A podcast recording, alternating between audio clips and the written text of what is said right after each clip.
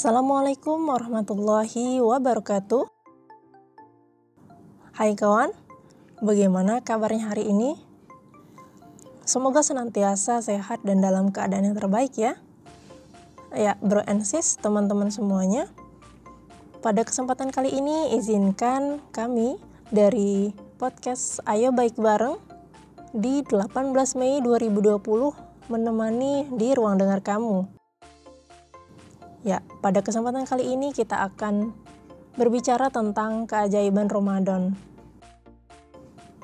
Jika kita bertanya kepada seseorang tentang waktu yang terus berjalan sepanjang Ramadan, maka kita akan mendapatkan jawaban yang beraneka ragam tentunya.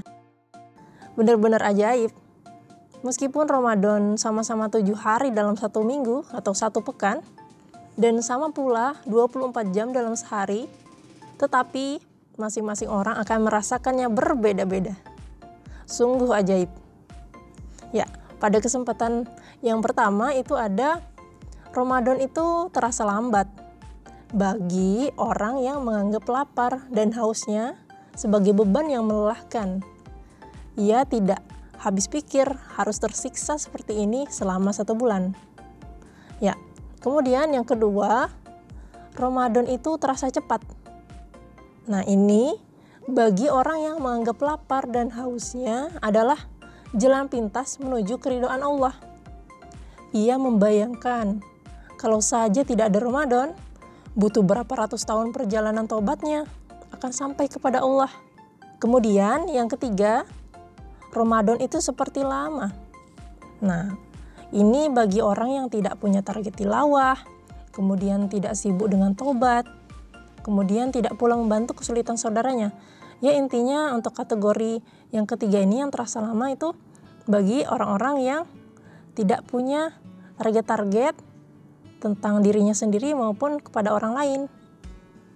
Nah, baginya itu Ramadan hanya diisi untuk menunggu saja. Hanya memikirkan diri sendiri, yaitu menunggu datangnya waktu maghrib dan menunggu bangunnya untuk sahur. Nah, kemudian yang keempat, Ramadan itu seperti sebentar. Nah, bagi orang yang tadarusnya berlomba dengan istighfarnya, ia mengatur targetnya dengan tertib dan ternyata masih merasa kurang saja dengan waktu yang tersedia. Kemudian yang kelima,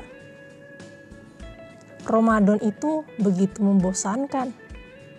Nah, ini bagi orang yang setiap malam mengulang rutinitas sholat taraweh yang menjemukan. Apalagi di di tengah pandemi seperti ini ya, di rumah terus, belum lagi kalau misalnya kita seuzon, wah pasti surat yang dibaca itu lagi itu lagi. Nah, ini kategori orang yang Ramadannya begitu membosankan.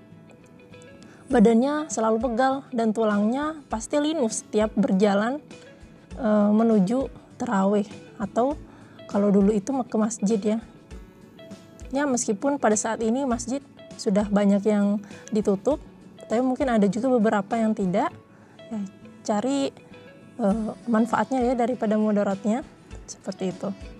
Kemudian yang keenam, Ramadan itu begitu membahagiakan Nah, bagi orang yang mengerti bahwa sholat taraweh adalah perhiasan khusus di bulan ini, sebab nanti pada 11 bulan berikutnya, ia tidak akan mendapatkan pahala sholat taraweh jika melakukannya walaupun sampai berlumuran darah. Kemudian yang ketujuh, Ramadan tidak diharapkan cepat kembali setelah Idul Fitri nanti. Nah, bagi orang yang merasa jerah dengan aturan-aturan ketat yang bertubi-tubi mengekangnya selama satu bulan. Bahkan Ramadan itu tidak diharapkan. Alhamdulillah ya.